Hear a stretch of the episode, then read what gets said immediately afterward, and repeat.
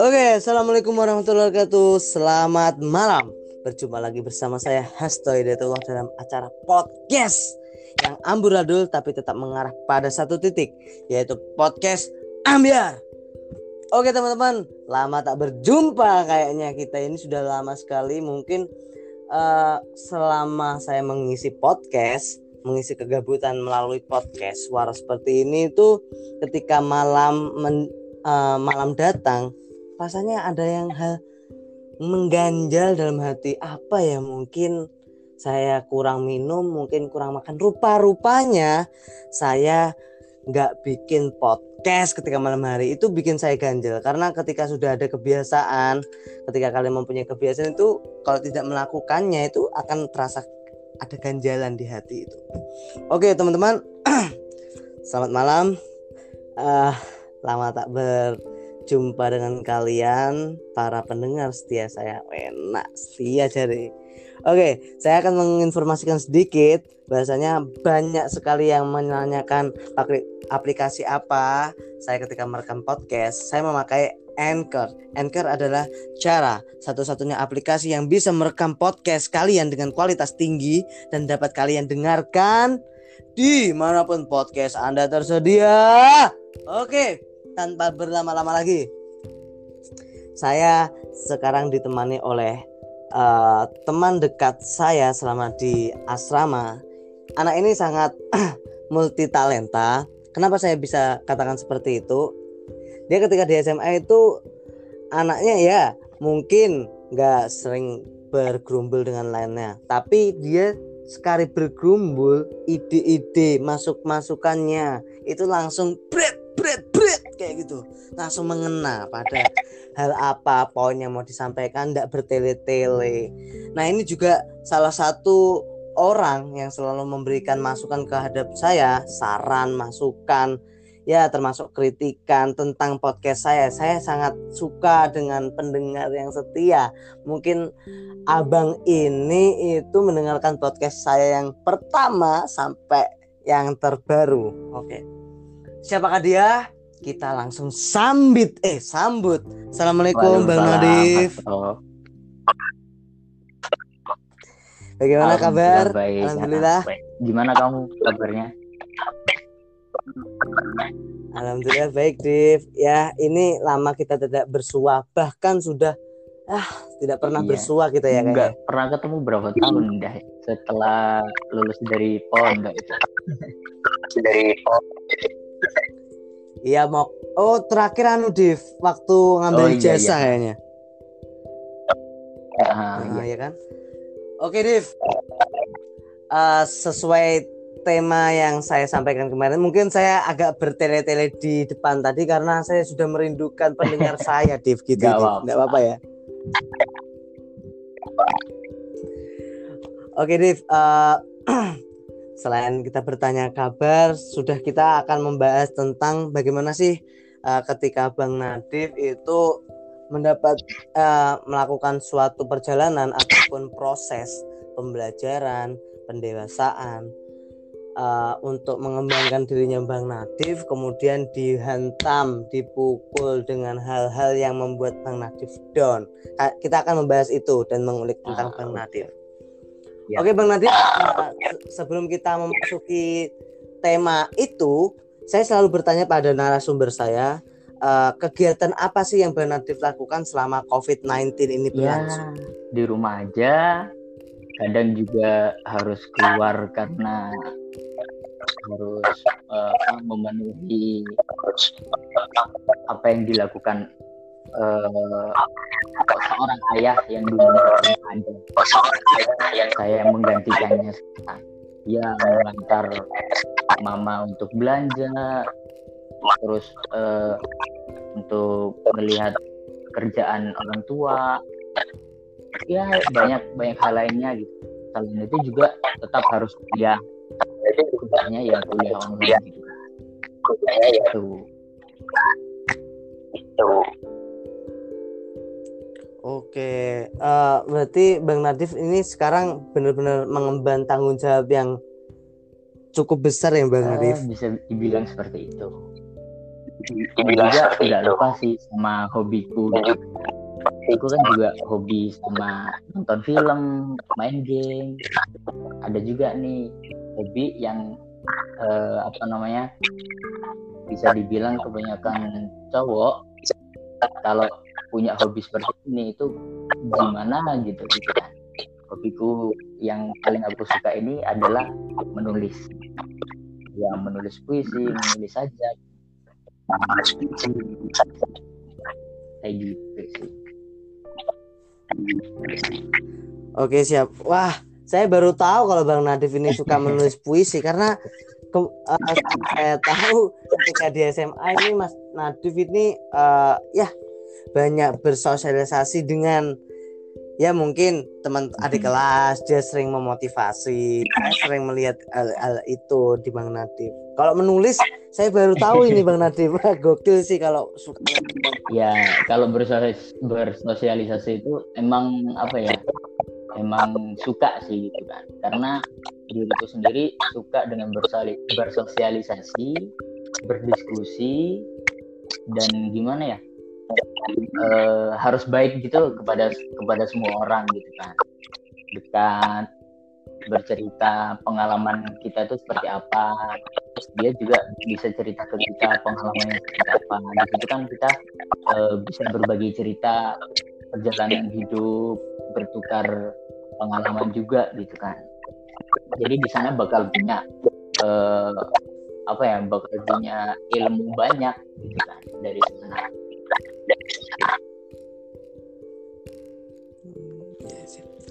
Wah, kayaknya ini perlu diklik banyak di Bang Nadif ini kayaknya.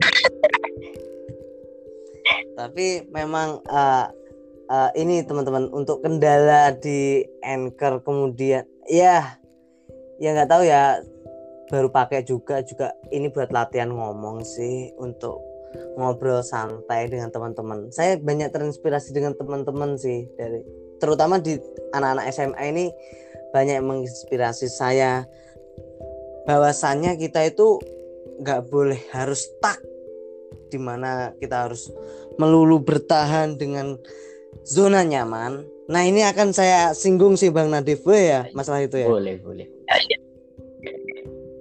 Oke Bang Nadif, tapi sebelum kita itu, langsung masuk ke sebelum itu sebelum itu begini Oke. Hasto. tadi Hasto juga menyinggung kan bahwasanya teman-teman di SMA eh, membuat Hasto itu berpikiran bisa dapat banyak pelajaran gitu dari teman-temannya juga menurutku pribadi juga Hasto juga bisa memberikan pelajaran kepada kita. Bahwasanya hanya untuk keisengan aja berniat ngebikin podcast ya gitu kan. Itu gimana ya gitu kan. Jadi eh, punya inspirasi tersendiri gitu. Mengisi dengan hal-hal yang positif gitu. Menurutku seperti itu. Jadi Astos itu juga menginspirasi Siap. Bang, saya ketika Nadif bilang seperti itu saya kayak mumbul gitu, mumbul. Mumbul saya bumbul di mumbul. Ya itu tadi, wah bagaimana kita harus saling support ya Div ya, Iya. harusnya ya. Oke Div, kita langsung sebelum kita memasuki topik yang mendalam membuat kita semakin bersemangat. Oh enak. Barangkali Mas Nadif mau sapa-sapa dulu teman-temannya. Mungkin pacarnya mungkin nggak tahu ya, saya nggak tahu Bang Nadif. Kita nggak kontak juga. iya deh boleh Eh, selamat malam selamat pagi selamat siang dan selamat sore kepada para pendengar setia podcast seketika bercerita Eh, semoga selalu sehat dan harus jaga jarak ya. Karena akhir-akhir ini memang kita dilanda virus COVID-19 dan kerugian kita sebagai mahasiswa kan eh, jadi kuliah online nggak bisa ketemu nggak bisa ketemu dengan teman-teman di kampus nggak bisa nongkrong. Ya masih banyak lagi lah kerugian-kerugian gitu kan. Tapi dari sana kita bisa belajar gitu. Kita kita bisa belajar akan hikmahnya seperti apa nantinya setelah uh, virus COVID-19 ini selesai. Itu sih uh, sapa pertama. Siap tuh dengerin teman-teman. Kita itu harus ambil hikmah. Setiap setiap kejadian itu pasti ada hikmahnya. Betul begitu Mas Nadif ya? Betul itu. Betul betul sekali. Jadi untuk teman-teman yang memang nggak ada kegiatan yang mengharuskan kalian keluar rumah yombok ya di rumah saja. Begitu nah, ya Mas Nadif benar itu. Apalagi kalau udah dibilangin jangan keluar rumah waktu PSBB itu kan jangan keluar rumah jangan keluar rumah. Masih aja ada. Banyak orang yang nongkrong yang nggak pakai masker dan sebagainya. Dikira virus COVID-19 ini eh, apa ya eh, nggak eh, ganas gitu. Salah itu. Kita tetap harus waspada harus tetap mengikuti uh, peraturan dari pemerintah. Harus nurut gitu lah. Kami enau atau enak. Kalau kata saat-saat kita dulu di pesantren gitu kan.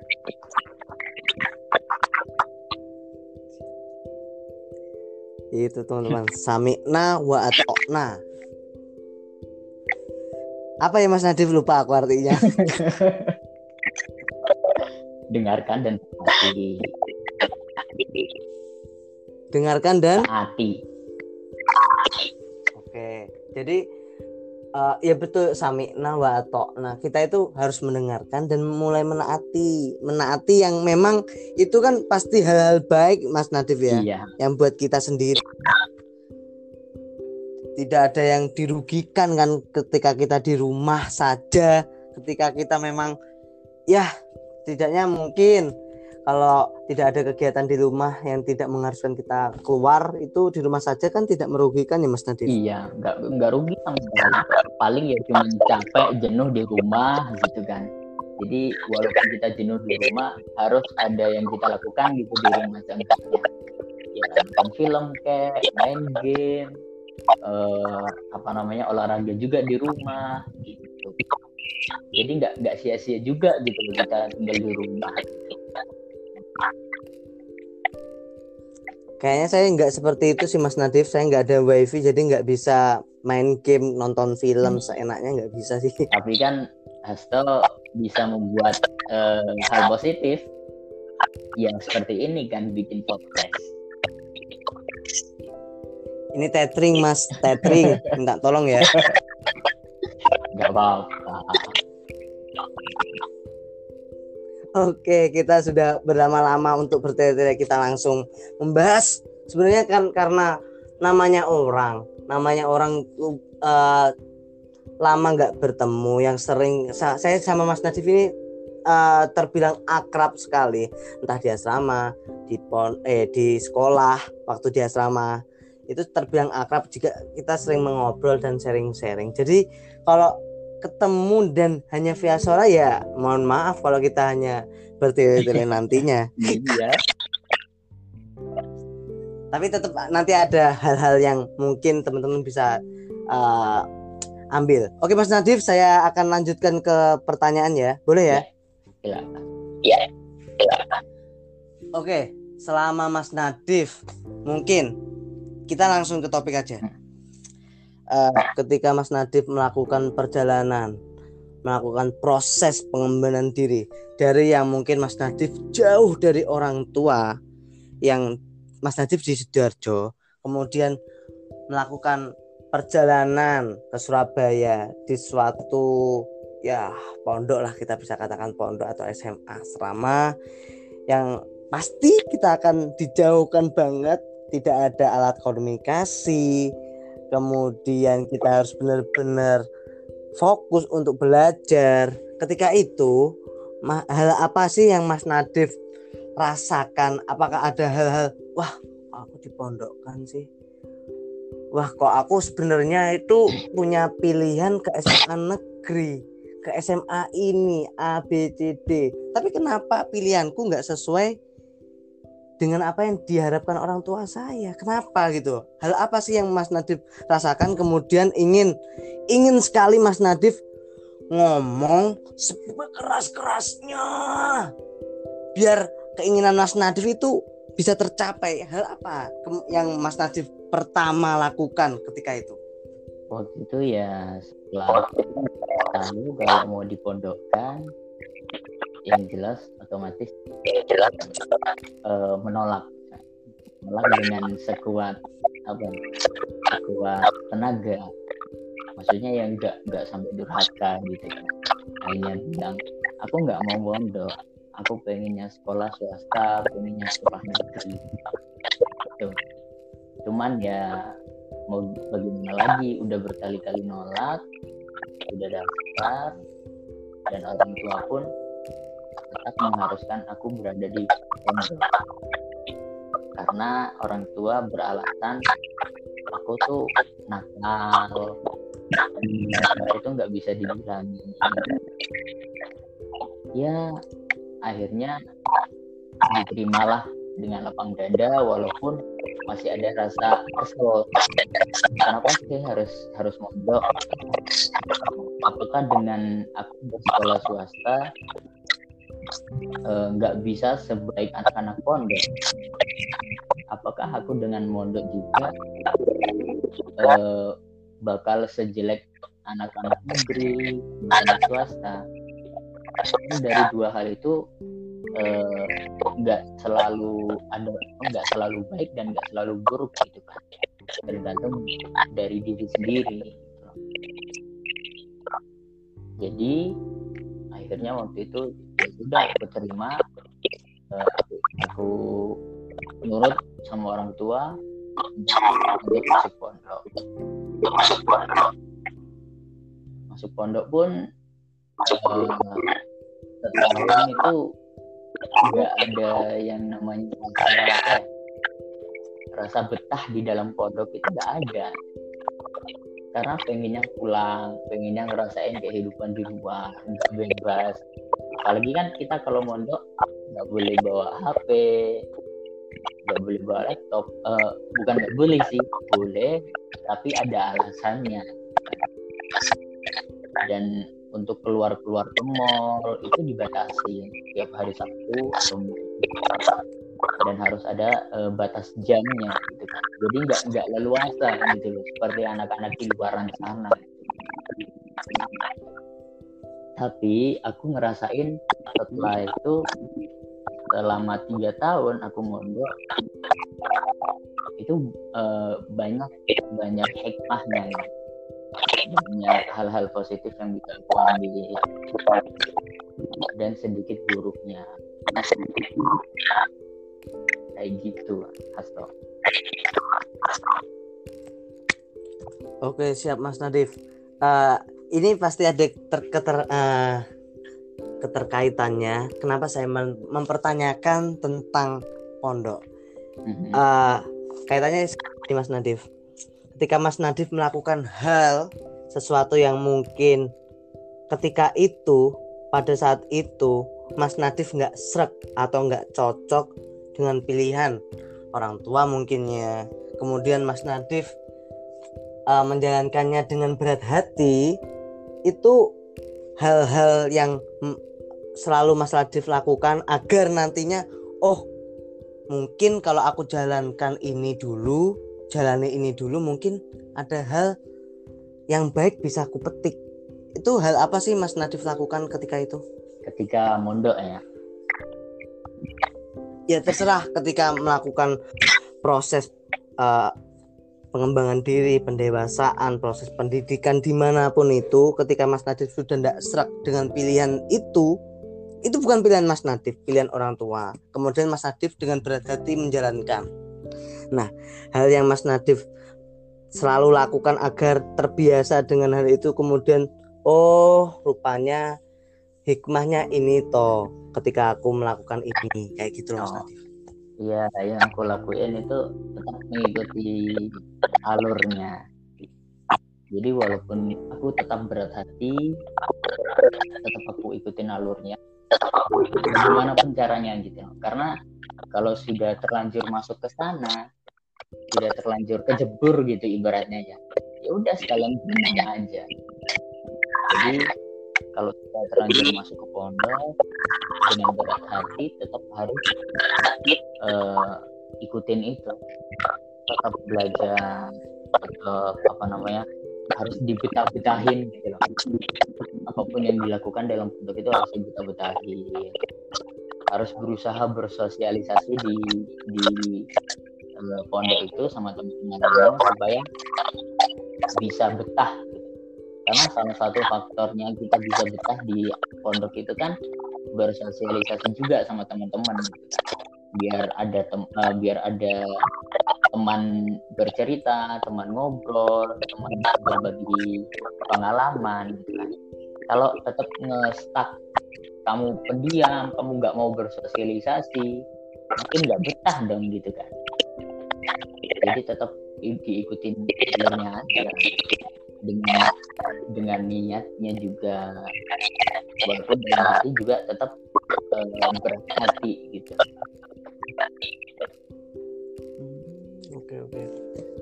Jadi memang intinya kita ke, ke, ketika kita sudah berada di lingkungan yang baru suatu um, tempat pendidikan mungkin atau tempat apa pun itulah yang kita ketika nyebur dan masih setengah-setengah sekalian berenang oh, gitu ya Mas Najib ya kita adaptasi dengan lingkungannya kita cari sebanyak-banyaknya relasi yang mungkin oh ini toksik gua. Ah, ya, ya kita betul ya mas Andi ya gitu ya? Banget sih.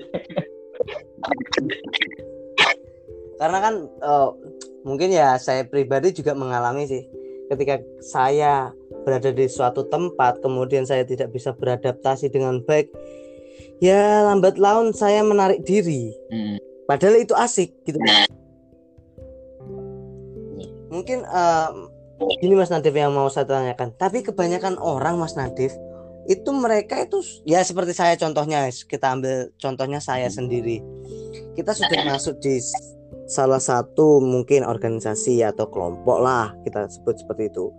Kemudian ini asik menurut orang lain tapi menurut saya ketika saya sudah masuk terus asik kemudian tidak bisa beradaptasi yang mungkin Mas Nadif bisa sarankan ke saya agar ya betah betahin lah gini-gini uh, kamu cari sebanyak-banyaknya teman uh, biar kamu nyaman kayak gitu tapi saya nggak bisa mas, mas Najib seperti itu gimana sarannya mas ah? Okay. itu gini uh, kalau sudah terlanjur masuk gitu ya terus nggak betah gitu kan. Kalau aku sendiri tetap dibetahin dengan dengan syarat itu begini mas kita cari organisasi lain juga sebagai penggantinya gitu kan.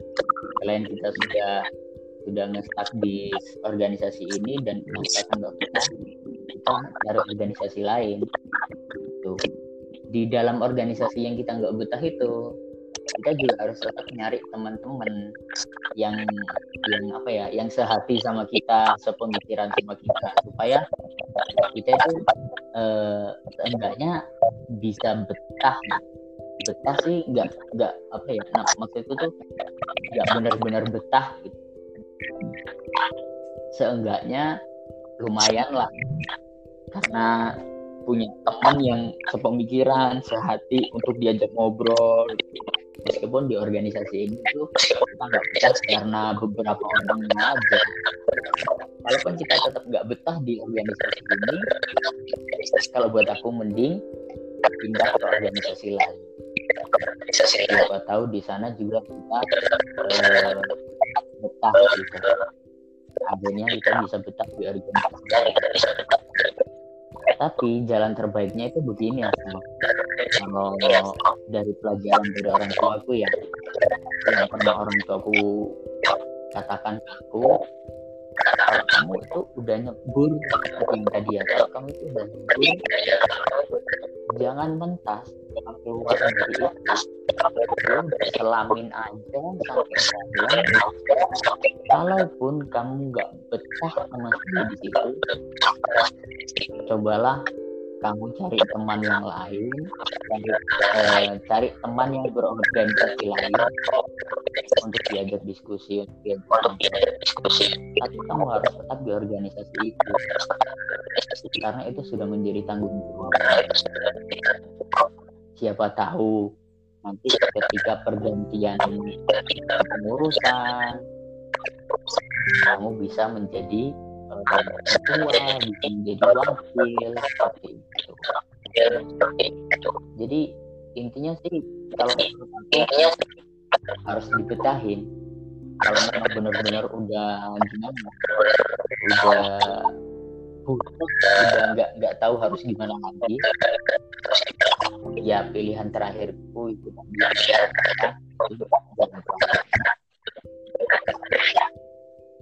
kalau menurut aku sih seperti itu. Gimana kalau Asto kan pasti punya pemikiran lainnya ya sepertinya saya sepemikiran sih. Cuman ya banyak sih hal yang terjadi ketika kita sudah mentas dari SMA ya saya katakan mentas saja ya atau kita keluar dari SMA banyak hal yang mungkin ketika itu belum benar-benar matang dalam berorganisasi dalam ber hmm, ya menyelesaikan masalah-masalah dalam organisasi kemudian kita dihadapkan di perkuliahan di tingkat yang lebih tinggi. Anak-anak ada mencari organisasi-organisasi A, B, C, D, entah itu internal kampus ataupun eksternal kampus ataupun ekstrakurikuler. Mereka mulai menggali potensi mereka ketika itu. Saya melihat betul karena kalau Mas Nadif tahu ya di Surabaya itu anak-anak sering ngumpul sih. Kalau Mas Nadif mau join monggo lah silahkan. Iya. open kita open nggak? Uh, namanya juga Vasco iya. Mas selalu bersama. jadi uh, banyak sih teman-teman yang uh, A B C mereka masuk organisasi A B C D. Saya mendengarkan cerita mereka oh seperti ini. Jadi mereka benar-benar mencari potensi mereka di sana. Oke okay, ada keterkaitannya lagi Mas Nadif soal iya, ini. apa tuh? Uh, ketika Mas Nadif sendiri ketika melakukan uh, mungkin perjalanan. Ya kita kembali ke perjalanan. Karena ini mengenai perjalanan Mas Nadif prosesnya Mas Nadif.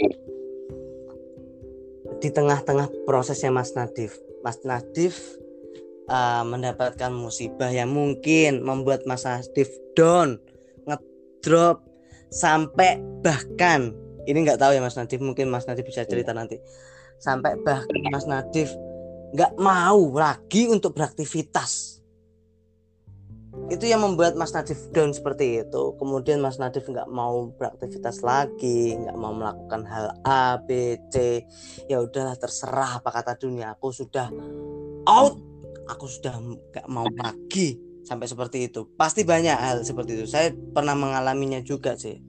Ketika ya waktu itu saya waktu kuliah kemudian saya lagi semak semangatnya untuk berkuliah kemudian uh, di semester awal itu nenek saya yang saya sangat saya cintai. Beliau meninggalkan saya meninggalkan meninggal dunia waktu itu. Saya benar-benar drop sekali. Saya mau cerita ini berat juga. Ya saya mau cerita ini berat juga. Ya.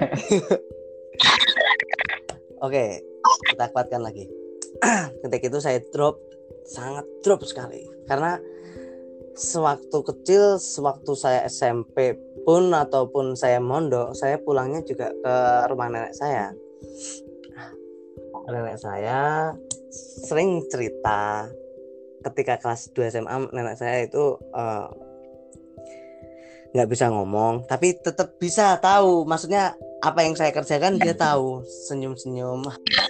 Karena ya gimana namanya orang yang kita sayangi kemudian meninggalkan kita mereka selalu mendengarkan kita. Kemudian nggak ada lagi siapa yang mendengarkan kita lagi. Untuk keluh kesah kita ketika kita down kita selalu disemangati. Saya suka omelannya. Saya sangat rindu dengan ocehannya. Bagaimana? Saya drop waktu itu Mas Nadif eh. benar-benar tidak mau melakukan kegiatan apa pun. Saya benar-benar mengurung di kos. Saya nggak keluar teman saya mencari tanpa ada surat izin. Ya surat izin mungkin di awal. Kemudian tidak ada surat izin sama sekali. Saya saya benar-benar drop tidak mau melakukan apa pun. Kemudian saya bisa kembali beraktivitas. Ada salah satu teman saya ke kosan dan mulai menyemangati saya waktu itu. Benar-benar ke kos menyemangati saya. Akhirnya saya bisa kembali beraktivitas dan ya saya kembali. Keep my way hmm. seperti ini itu itu lama sih bang Nadif. Mungkin itu dari saya sendiri sih. Mungkin Mas Nadif sendiri selaku narasumber bisa menceritakan. Dan mungkin di luar sana banyak yang teman-teman butuh ditolong butuh digandeng. Ketika mereka down mereka tidak mau melakukan apa pun yang mereka mungkin dulunya suka, kemudian ketika drop mereka tidak suka, bahkan benci. Seperti itulah. Hmm. Bagaimana sih Mas me melewati proses itu, proses ketika terpuruk seperti iya. itu? Nah, sebelumnya sebelum cerita ya, selama seumur hidupku yang ngebuat yang ngebuat aku itu down itu hanya satu kalau urusan diputusin pacar atau sahabat gitu uh, menurut aku lebih lebih kecil rasa untuk terpuruknya. Maksudnya sedihnya itu nggak terlalu lama. Karena mereka masih bisa menjadi teman yang ketika kita butuh kita bisa datang ke sana. Tapi hanya ada satu hal yang ngebuat itu kehidupanku sekarang sudah berbeda jauh. Bahkan sempat terpuruk. Sempat nggak mau apa ya nggak mau kuliah lagi. Ceritanya awal mulanya begini. Mungkin tadi sudah aku singgung ya di awal kalau ayah aku sudah nggak ada. Pada aku semester 2 semester 2 pertengahan itu uh, keluargaku ditimpa musibah yaitu dengan sakitnya seorang ayah uh, pertama itu sakit stroke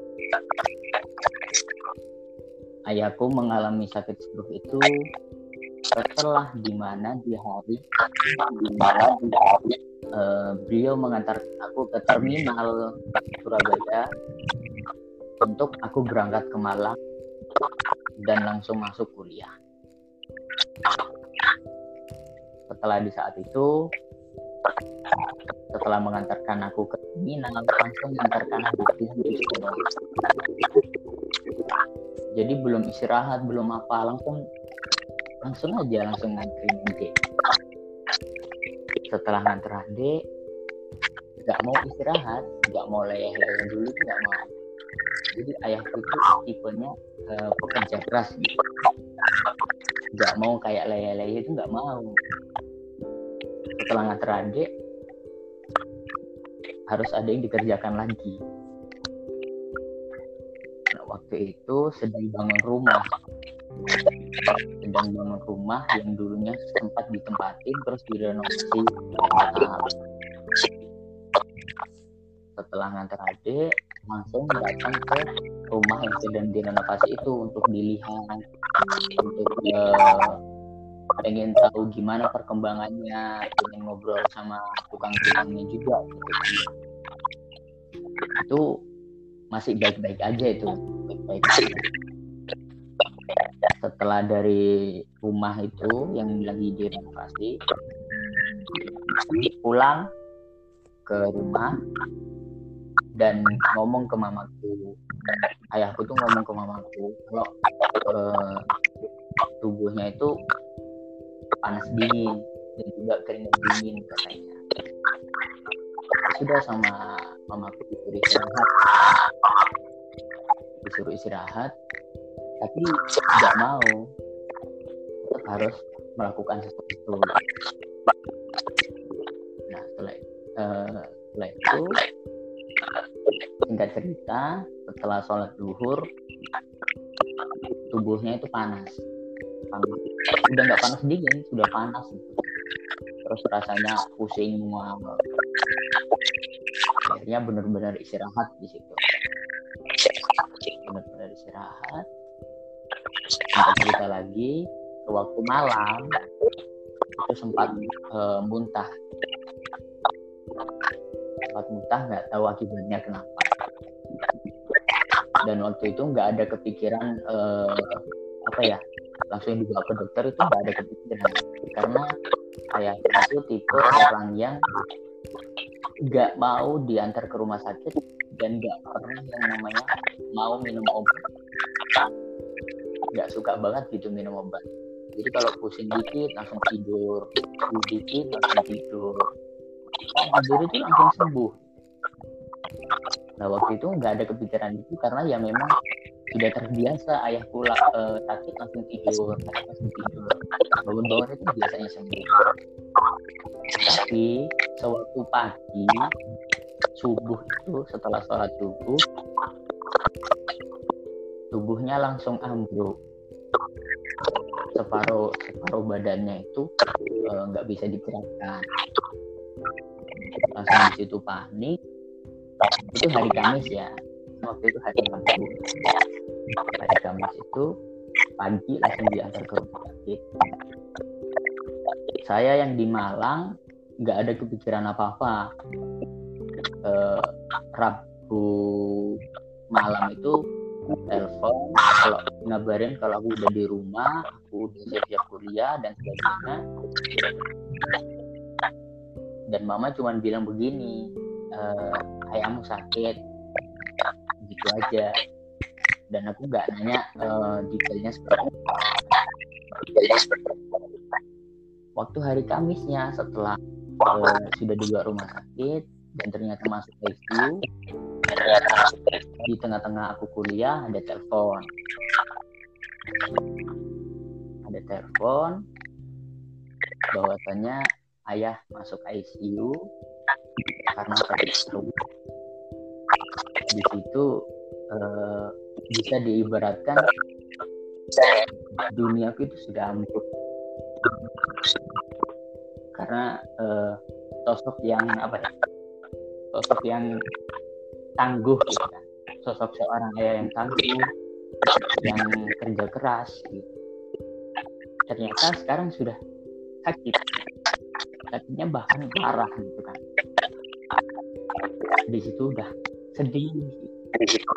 Tapi di sisi lain aku tetap harus berjuang. Ayah aku sakit aku harus tetap berjuang kuliah biar supaya uh, bisa membanggakan. Setelah dapat kabar itu di kelas tiba-tiba nangis. Gak peduli diomongin teman-teman tahu kok kengeng dan sebagainya. Ketika aku ngomong bahwasanya orang tua aku teman-teman langsung simpati dan nyuruh aku pulang untuk uh, ngelihat keadaan. Singkat cerita akhirnya uh, aku pulang dan aku izin itu nggak kuliah lama seminggu. Di sana rasanya campur aduk. Waktu ngelihat uh, waktu sudah sampai di itu ya waktu melihat ayah itu udah rasanya campur aduk. Sih pak kan nggak aku aja yang gitu. Padahal uh, kalau nggak ada ayah gimana? Aku aja ya secaranya sakit aku sempat berpikir seperti itu. Cuman ya sudahlah memang di Allah uh, aku tipe orang yang uh, gimana ya sama orang tua itu cuek nggak berani ngomong apa yang aku mau.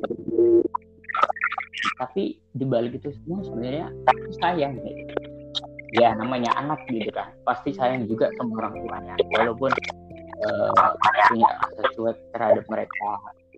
Gengsi lah ibaratnya gitu kan waktu melihat itu. Sedih banget.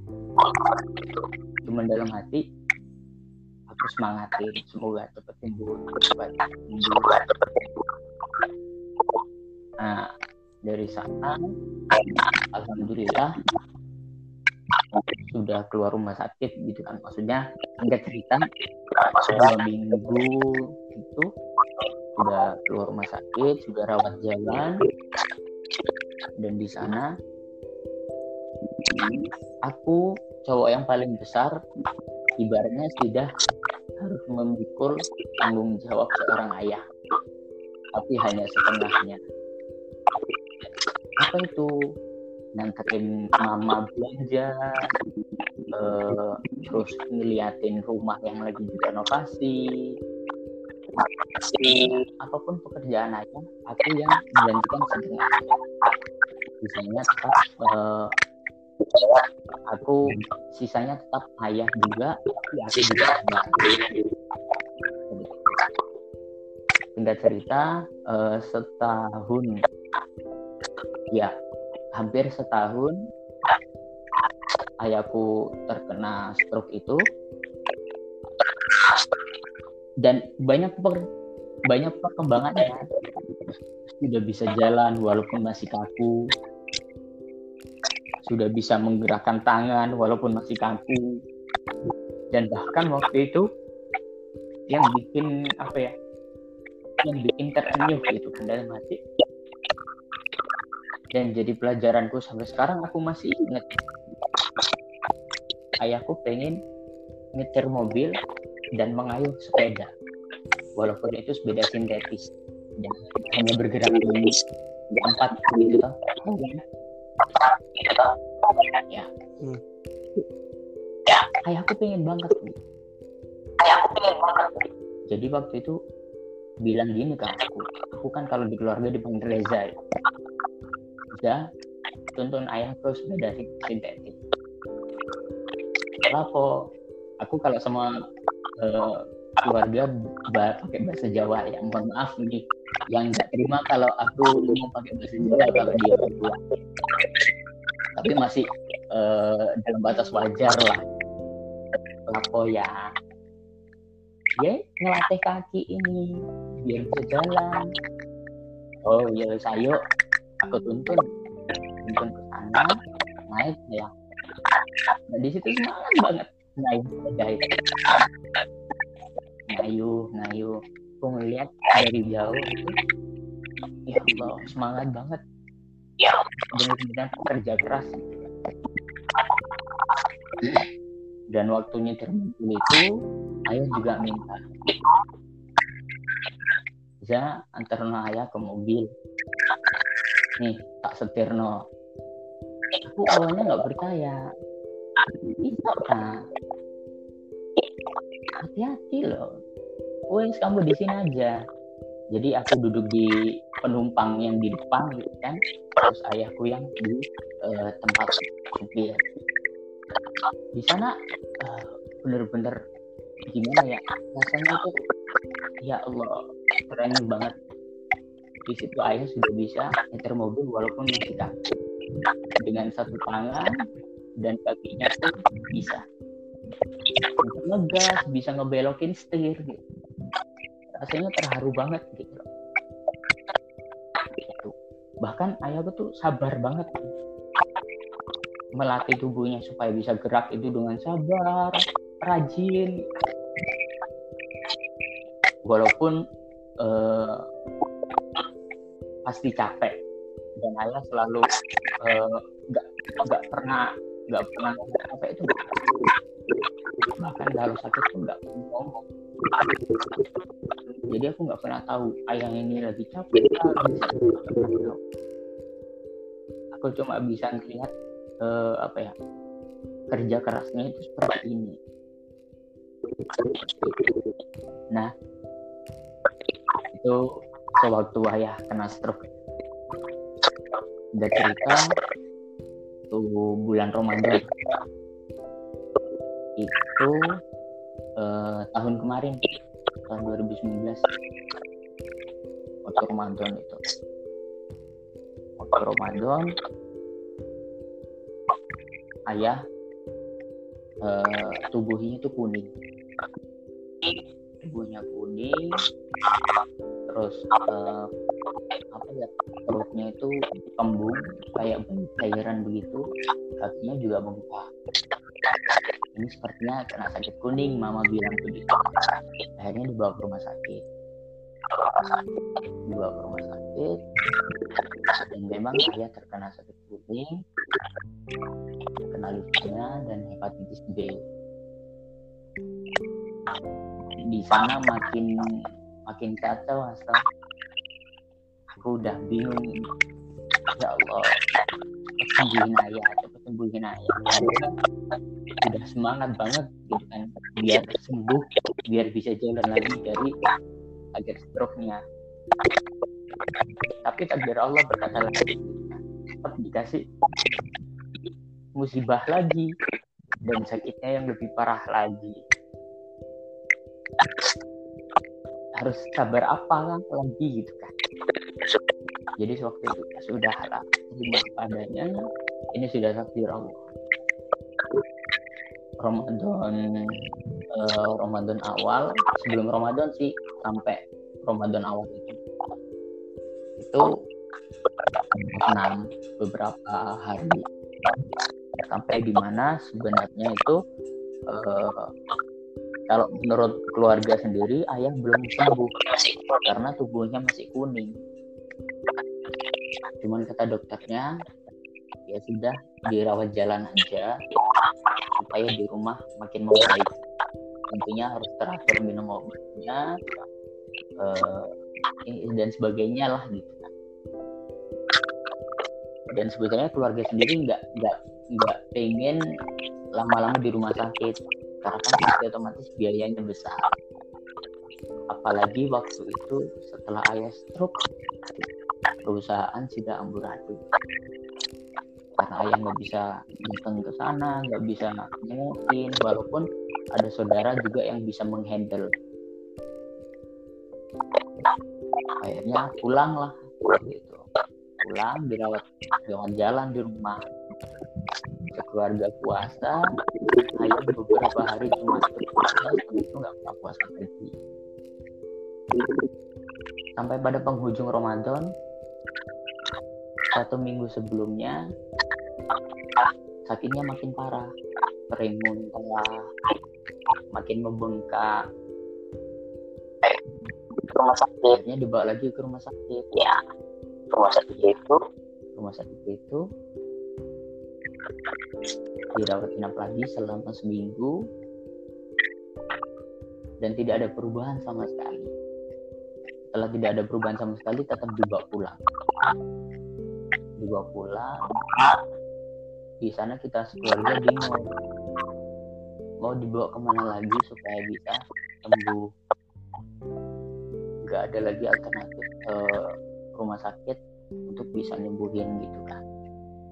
Aku waktu itu belum tahu nih sampai mana parahnya sampai apa dan sebagainya. Karena waktu itu eh, aku nggak pernah berani yang namanya nanya ke ayah langsung sakit apa sih apanya yang sakit. Pada sikapku yang cuek sama orang tua. Akhirnya uh, waktu itu mau aku mau masuk kuliah. Sebelum aku masuk kuliah aku tawarin sama ayahku ya sampai masih parah. Nggak pengen ke rumah sakit karena ayo ke rumah sakit. Nah waktu itu kebetulan ada tetangga yang uh, punya kenalan dokter yang bagus di salah satu rumah sakit di Surabaya. Aku bilang ke ayah waktu itu ayo ya ke rumah sakit ini yang di yang di rekomendasiin sama tetangga. Coba ke sana. Tapi ayah nggak mau. Dan aku paksa pun tetap nggak mau gitu mau gimana lagi. Ya sudah kalau nggak mau eh, aku mau kuliah loh kalau nggak mau apa? Kalau nggak mau ya ya udah terserah akhirnya waktu itu aku masuk kuliah. Berangkat ke terminal tanpa diantar lagi dan berangkat ke Malang pun dengan rasa juga campur aduk. Pikiran di rumah yang dan di Malang pun aku harus punya tanggung jawab juga untuk ujian UAS waktu itu. Ujian UAS waktu itu. Akhirnya aku kuliah di Malang dengan beban banyak pikiran juga dan harus selalu pengen tahu updatean ayah sembuh atau enggak. Nah waktu itu singkat cerita mama telepon. Ya gimana kabarmu? Lagi ujian karena kayak begitu sama aku aku bilang ya aku lagi aku lagi mau ujian lagi belajar belajar tugas menumpuk banyak uh, menjelang UAS jadi kalau aku diharuskan pulang ke sana agak terlambat. Gimana ya? Ya wes nggak apa-apa. Eh, belajar aja dulu. Ayah di sini juga. Ya alhamdulillah kayak gitulah ini ayah masuk rumah sakit. Ah di situ langsung stres lagi. Kenapa lagi? Kenapa baru masuk lagi? Kan seharusnya dari kemarin sudah ditawarin kenapa mau masuk namanya dia tapi juga cepat sembuh ya ya kayaknya tahu ayahmu siapa apa di sana kok ya sehat kamu di mana aja aja itu setelah telepon ditutup atau asal belajarku apa pun yang aku lakukan pikiranku kontradiktif itulah eh, perjalananku menjelang terpuruk banget itu setelah itu waktu aku ujian. Ujian masuk ujian tulis. Kelas ini kayak di juga konten di Singkat cerita di hari Jumat. Jumat pagi. Mamaku telepon. Ya, ayo pulang tidak ayah Mama udah nggak kuat lagi mau ngomong sama siapa mau cerita sama siapa? Pulang dari ayah. Tapi nanti kalau kamu pulang ayahmu nggak kenal kamu jangan kaget. Di situ aku bingung mas. Kenapa mama bisa bilang begitu? Ternyata memang waktu itu ayah lagi uh, ngelilir ngelirik ngelilir itu apa ya uh, ngigau lah. Ibaratnya kayak nggak sadarkan diri gitu. jadi kayak lupa ingatan. Jadi memang waktu itu ayah sempat lupa ingatan sebentar. Lupa mama. Tapi uh, bisa ingat kembali. Akhirnya setelah dengar kabar itu aku teriak nangis kenceng di depan kelas didatengin satpam sama teman-teman dari dalam kelas kenapa dia kenapa dia bahkan dosen pun juga heran kenapa nanti ya di situ aku gimana mau cerita gitu? Karena bingung mau ngomong dari dari apa gitu kan? Mau cerita dari bagaimana sampai bagaimana akhirnya ada salah satu teman yang dia tuh ngerti.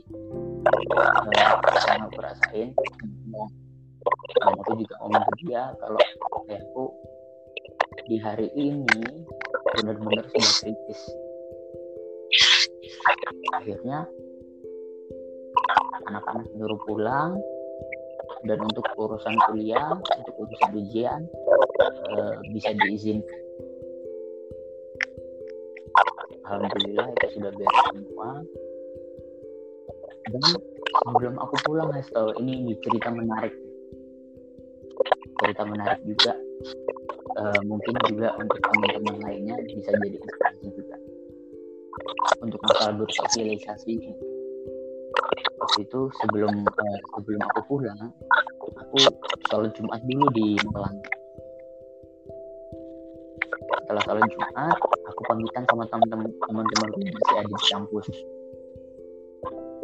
Yang mereka itu lagi ngerjain project untuk ujian kan. Nah waktu aku pamitan pulang salah satu temanku ngasih aku sebuah amplop. Aku kaget dong. Eh ini isinya apa? Buka aja kalau mau isinya uang Hasto mereka ngumpulin uang untuk biaya aku pulang dari Malang ke Sidoarjo. Dan lanjut ke Surabaya sisanya bisa digunakan untuk pengobatan ayahku di situ aku nangis banget ke teman-teman. Uh, suwun yo suwun yo. Terima kasih aku nggak tahu gimana harus membalas kalian lagi. Karena kebaikan kalian seperti ini aku nggak minta. Gitu tapi mereka udah ngasih. Dan temanku bilang udah kamu nggak usah balas budi nggak usah ngasih uang lagi ke kita. Ini kita ikhlas. Kita urunan. Kamu nggak tahu kan kapan kita urunan? Kerennya mereka begitu. Aku nggak tahu kita urunannya kapan memang masih seperti itu di saat yang memang benar-benar aku butuh support setelah mereka ngasih aku pulang gitu. Perjalanan naik motor. Naik motor dengan pikiran yang campuran. Ini jangan ditiru ya. Dari dari Malang sampai Surabaya yang seharusnya bisa sampai tiga jam kalau leyeh-leyeh ini dua jaman padahal kalau dari Malang ke Sidoarjo sendiri dari kabupaten ya tempat rumahku itu dua jam. Saking lembutnya saking pikiranku ke mana-mana akhirnya sampailah di Surabaya. Di mana tempat ayahku dirawat. Hingga cerita aku sudah sampai itu aku sudah sudah di kamarnya dan aku melihat sosok ayah yang sudah terbaring di atas kasur rumah sakit yang sudah nggak bisa apa-apa. Tubuhnya udah lemas tangannya udah lemas uh, tubuhnya juga nggak bisa diangkat. Harus benar-benar dipaksa untuk diangkat. Dan waktu itu nggak bisa ngomong aku banget untuk diajak ngobrol. Dan tidak ada suaranya gitu kalau ngobrol. Di sana uh, ya hampir lima puncaknya aku terpuruk di sana setelah itu aku ngasih uang yang dari teman-temanku ke mama mama juga bilang terima kasih ke teman-teman aku disuruh uh, ucapin salam buat teman-teman juga waktu itu. Dan di sana kita berdoa. Dan melihat melihat sosok ayah itu. Pikiranku hanya satu. Kalau Allah menakdirkan ayahku sudah tidak ada aku, aku mohon beri waktu lagi sampai seminggu dan harus. di hari Jumat aku meninggalkan semua.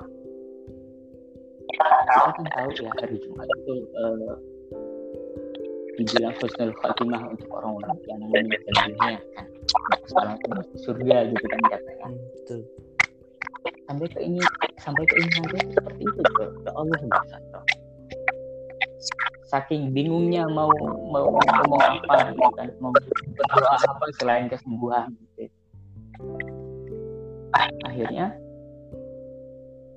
uh, setelah berdoa melihat saya semoga sembuh. Terus aku pamitan lagi sama mama. Pamitan. Bukan di hari itu aku pamitan. Aku bilang hari Sabtu aku harus balik ke Malang karena aku harus menyelesaikan proyek UAS waktu itu. Kenapa aku harus yang menyelesaikan? Karena udah eh, sering teman-temanku yang menyelesaikan di saat eh, ayahku sakit stroke. Karena waktu ayahku sakit stroke itu, aku sudah sering pulang pergi malam sidoarjo akhirnya mama mama merestui waktu itu ya udah apa balik aja. Maksudnya hari ini kamu sudah melihat saya. Kamu doain saya semangat belajar oke. Itu uh, percakapan terakhir di hari Jumat. Kita pulang ke rumah nenek tidur di sana istirahat di sana. Yang uh, jaga ayah ada teman ayah dari pesantren dulu keesokan harinya hari Sabtu aku pamitan. Ya aku mau ngerjain project bentar nanti aku langsung balik. Setelah selesai aku langsung balik ke Surabaya. Di sana nggak ada jawaban sama sekali ya setelah aku pamitan. Tatapannya juga kosong. Tidak ngomong sama sekali tangannya dingin lemas dan aku nggak kepikiran apa-apa. Nggak kepikiran ayahku nggak ada dan sebagainya. Cuma waktu itu membuat status di Instagram menulis seperti ini. Semoga bertemu di lain masa di kemudian masa. Dan ada salah satu teman kita Hasto yang yang berpikiran bahwasanya wah kok kayaknya orang tuanya Adi sudah nggak ada deh. Teman kita ada yang berpikiran seperti itu. Cuma masih positif thinking oh mungkin uh, buat hal yang lain. Dan di situ aku pamitan berangkat ke Malang berangkat ke Malang. Berangkat ke Malang kerjain project HP aku tinggal di tas aku tinggal ngerjain tugas tugas project itu uh, singkat cerita waktu asal aku sempat ngecek HP HP banyak aktif tuh. Banyak notif di banyak message di DM Instagram juga di uh, WhatsApp juga ada itu katanya isinya begini. Terus berduka cita ya Dev maaf aku nggak bisa ke sana. Bingung kan aku di situ. Eh kenapa ngomongnya kasih anak-anak ya? Di situ aku nggak nggak nggak peduli. Udah amat gitu kan. Mungkin uh, apa ya kayak bercanda-bercanda gitu kan. Terus aku ngelanjutin tugasku di situ. Nah ini nih uh, sebelumnya waktu aku megang HP aku nggak ngecek banyak nggak ngecek semua notis tuh ya scroll scroll aja langsung aku tinggal. Nah aku tinggal beberapa jam kemudian itu ada telepon. Temanku bilang begini yang di kampus tuh eh di anak telepon loh oh iya ya saya, saya bentar.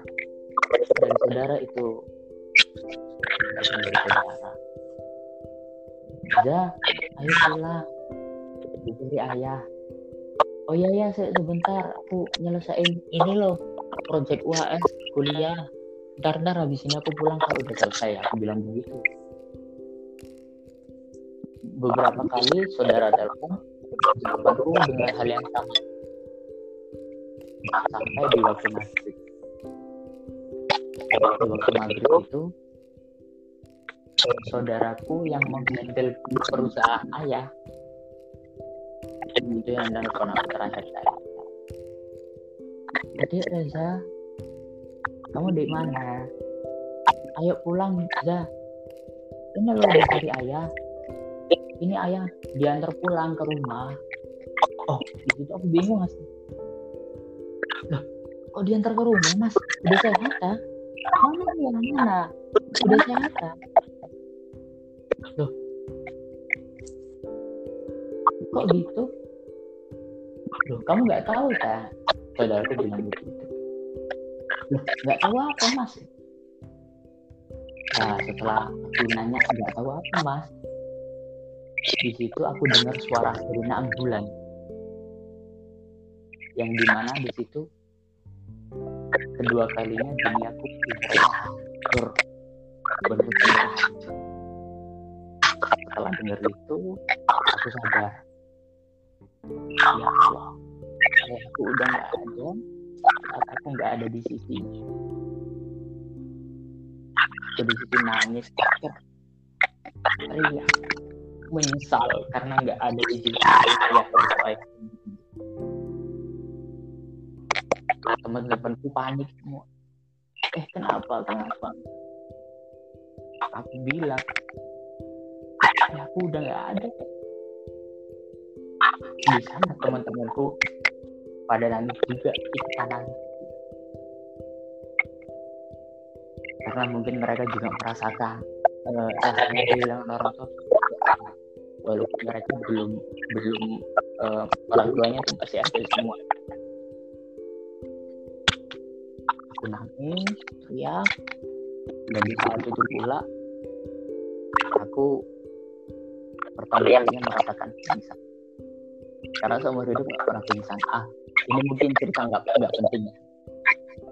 Lanjut lanjut. Nah setelah setelah itu semua ada saudaraku yang di Malang telepon aku. Ayo uh, Za ikut Mas ke Sidoarjo Mas masih di Malang. Udah Mas gak usah. Aku naik motor aja. Jadi teman-teman gue langsung marah apa kok mau naik motor.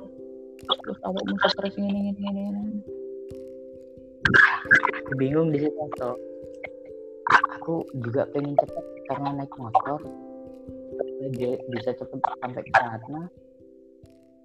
Temanku bilang nggak usah. Terus aku di situ juga bingung motorku bakal taruh mana gitu. Itu uh, aku pulang pergi naik motor kalau dari rumah rumah ada di mana di situ.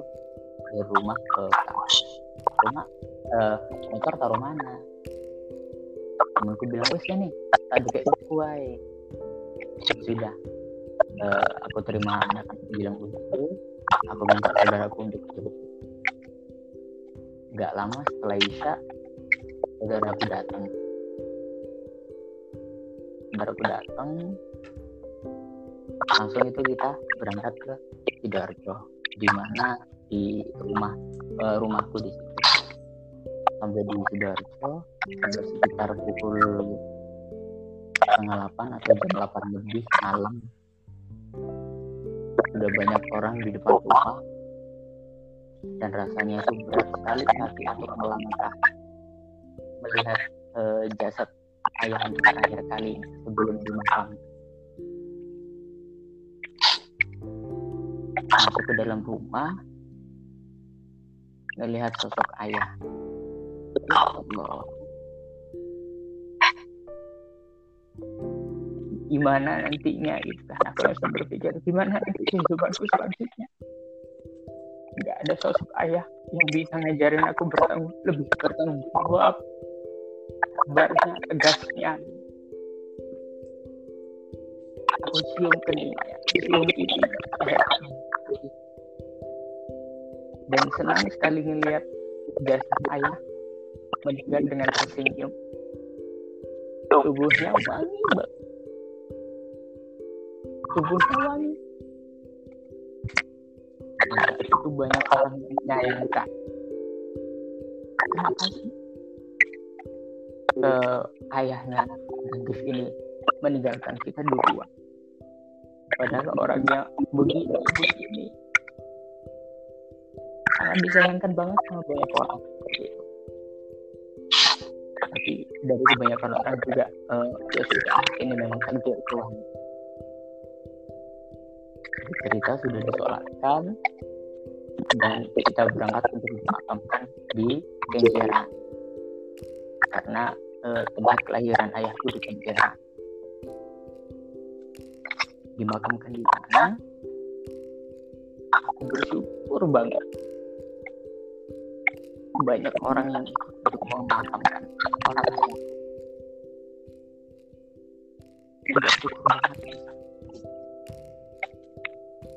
dan di sana uh, ada beberapa temanku yang aku tunggu aku kabarin dan ada beberapa teman datang ikut melihat salah satu sahabatku ada di SS sahabatku uh, boleh disebutkan enggak atau enggak usah? Boleh. Bebas bebas. Nggak apa-apa Div silakan. Uh, sahabatku di SMA yaitu Akbar dan ada si Maul juga ada Najib ada Kamba Kamba yang memang uh, orang tuanya juga lebih dulu ninggalin dia. Ketika ayah sudah masuk di pemakaman sahabat si Abang dan rasanya di situ aku pengen uh, numpahin semua rasa tangis itu. Dia datang aku langsung peluk nangis dia. Dia nangis uh, gila punya sahabat dan dia menerima gitu. Menerima uh, rasa kesedihan itu dan dia tegas dan dia harusnya kita bertanya. Ada yang bercerita dan sebagainya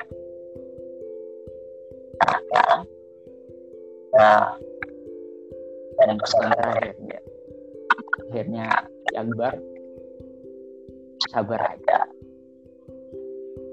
Terus uh, berjuang untuk kehidupan ke depan. Kalau kamu tetap seperti ini tetap terpuruk seperti ini ayahmu bakal sedih nanti di sana. Di situ uh, agak sedikit semangat. Karena sudah disemangati oleh sendiri tapi tetap tetap punya punya rasa gimana ya. Berpikir aku nggak bisa lagi kuliah. Siapa yang bakal ngebiayain aku.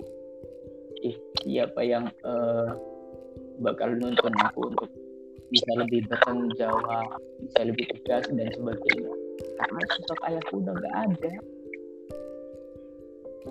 Dan aku nggak mau kuliah karena nggak mau uh, ngabisin duit aku harus bekerja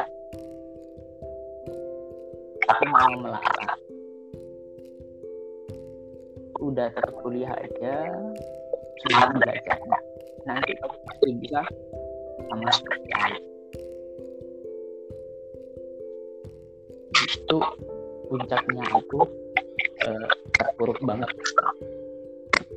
Dan itu aku benar-benar punya uh, pemikiran yang selalu sama nggak pengen kuliah lagi ingin kerja ingin membantu biaya orang uh, biaya keluarga dan sebagainya karena aku cowok yang paling besar di keluarga.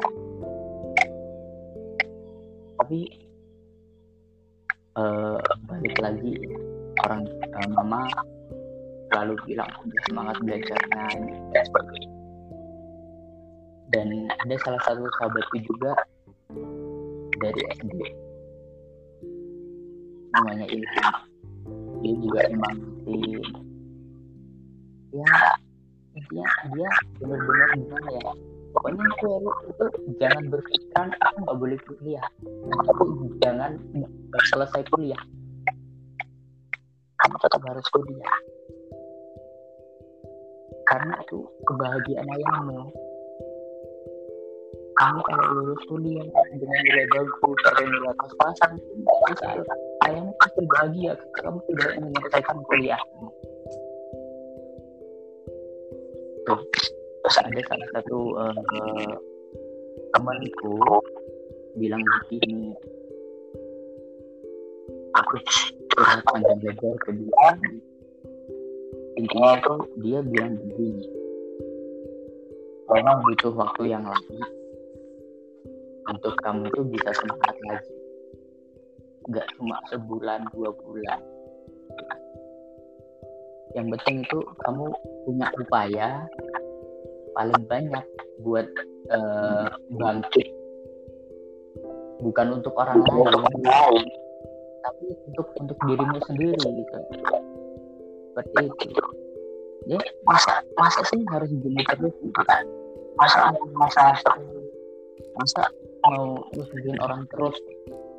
Walaupun kita uh, memilih untuk bekerja nggak kuliah kita tetap nyusahin orang lain nyusahin keluarga. Kenapa?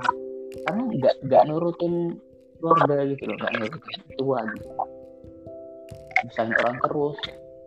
Jadi uh, kita harus berupaya untuk bangkit buat diri kita sendiri bukan untuk orang lain. Dan di sanalah pelajaran hidup itu yang banyak dan setelah uh, setelah ayahku meninggal banyak pelajaran-pelajaran yang dulu aku remehin dari ayah sekarang aku merasakan sekarang aku lebih uh, jadi cowok yang gak gak banyak emosi sabar uh, terus lebih lebih apa ya lebih banyak bersosialisasi lagi lebih berani bicara dan pengen banget nonton ya, yang sabar bekerja dan masih banyak lagi itu sih Hasto mungkin uh, Hasto dan teman-teman pendengar setia dari ketika bercerita tidak mendapatkan intinya dari cerita seperti ini siap Mas Nadif. Uh, setiap cerita seseorang mungkin dari setiap individu pasti mempunyai ceritanya masing-masing seperti yang ya kita bisa dengarkan. Saya nggak bisa berkata banyak sih Mas Nadif. Saya benar-benar mendalami mengikuti cerita Mas Nadif. Mungkin ya kita sama-sama pernah merasakan akan hal itu. Kita juga sama-sama ingin menyembuhkan luka yang mungkin ketika itu memang telah terbuka lebar. Kita perlu namanya support. Perlu namanya hmm. dukungan dari orang-orang di sekitar kita entah dari keluarga kemudian sahabat tadi sampaikan Mas Nadif karena ketika kita mempunyai support dukungan untuk kemudian bangkit kembali dari keterpurukan itu adalah langkah yang paling awal yang mungkin itu akan berdampak baik ketika nanti kita berjalan kembali. Oke mas, iya.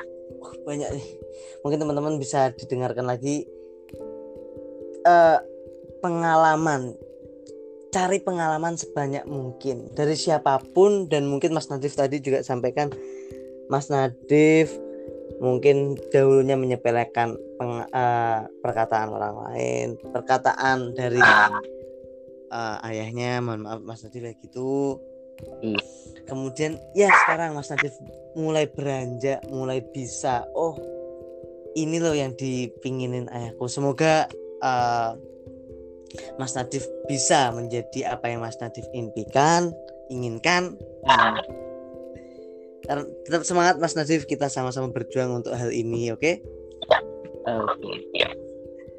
Uh, mungkin teman-teman bisa ambil hikmahnya banyak sekali tadi cerita panjang kali lebar Mas Nadif mungkin teman-teman jangan makin down dengar cerita ini karena ketika Mas Nadif juga perlu berproses perlu berproses. Ya perlu berproses. Jadi nggak instan kayak mie instan. Jadi kalian nggak kemudian sekarang kena masalah besok selesai ya? Enggak kalian perlu benar-benar beradaptasi dengan masalah itu sendiri. Kemudian oke okay, kita berpikir secara matang kita berpikir dengan hati yang lapang kemudian dengan pikiran yang jernih akan nanti mendapatkan solusi seperti itu ya Mas Nadif. Iya. Dan satu lagi Asto. Ya sih. Uh, kalau hanya adaptasi aja sih kurang ya. Jadi selain adaptasi kita juga harus melakukan hal-hal yang kita suka gitu. Contohnya kayak uh, aku nih jangan jauh-jauh ya aku aja suka nulis, suka nonton film, suka bersosialisasi, suka uh, berdiskusi. Hal-hal itu kita harus lakukan supaya uh, kita bisa bangkit lagi gitu, dari keterpurukan kita. Kita bisa semangat lagi untuk menghadapi kehidupan kita selanjutnya. Siap siap. Jadi selain kita beradaptasi dengan masalah kita juga lakukan hal-hal positif yang membuat kita semakin uh, bangkit lagi itu ya mas Nadif ya? Uh, uh, iya benar Wah, nggak kerasa loh Bung kita bicara satu jam. ya namanya kita lama nggak bertemu. Lihat teman-teman kita satu setengah jam loh bayangkan lo nggak kerasa loh. Satu setengah jam ngobrol kita mendengarkan. Wah memang kalau mendengarkan seperti selalu saya sampaikan ya ini memang sudah menjadi hal yang sudah tertanam dari diri saya. Mendengarkan cerita orang lain itu asik. Pengalamannya itu banyak. Karena ya seperti yang saya sampaikan. Iya benar. Serius ya Bandang Diri ya? Kita mendengarkan pengalaman orang lain kemudian kita ambil petik hikmahnya itu seru banget ya Mas Nadif ya? iya Oke, uh, terima kasih Mas Nadif bisa menyampaikan mm, pesan-pesan cerita yang mungkin ya nanti teman-teman bisa ambil hikmahnya yang lagi terpuruk. Karena hal apa pun ayo kita bangkit sama-sama. Kalian pasti punya mimpi kalian pasti punya cita-cita. Cepat lari dan kejarlah. Oke seperti itu tuh ya Mas Nadif ya? iya oh ya ini untuk terakhir kali. Ini terakhir. Ya, silakan. Uh, dari cerita dari ceritaku ini bukan hanya untuk teman-teman yang uh, baru saja kehilangan orang tua, tapi untuk teman-teman juga yang mungkin lagi patah hati, lagi habis diputusin pacar, lagi berantem sama sahabat, atau lagi cekcok sama orang tua yang uh, berujung kita bakal dari rumah kita udah bete di rumah. Itu semua untuk kalian semua. Yang yang aku sampaikan itu untuk kalian semua. Bisa kalian ambil hikmahnya bisa kalian ambil intinya begitu. Siap. Nanti bisalah kita uh, collab lagi lah kapan-kapan oke? Okay? iya oke okay, oke. Okay. siap ya gitu dulu ya Mas Nadif ya. Terima kasih atas kesediaan waktunya untuk ngobrol ngalor ngidul tapi tetap mengarah pada satu titik yaitu podcast um, biar oke okay. terima kasih untuk para pendengar. Tetap uh, stay healthy tetap jaga kesehatan kalian jaga kebersihan. Jika keluar rumah usahakan mematuhi protokol kesehatan yang sudah ada Oke teman-teman, selamat malam dan sampai bertemu di podcast-podcast selanjutnya. Assalamualaikum warahmatullahi wabarakatuh. Waalaikumsalam.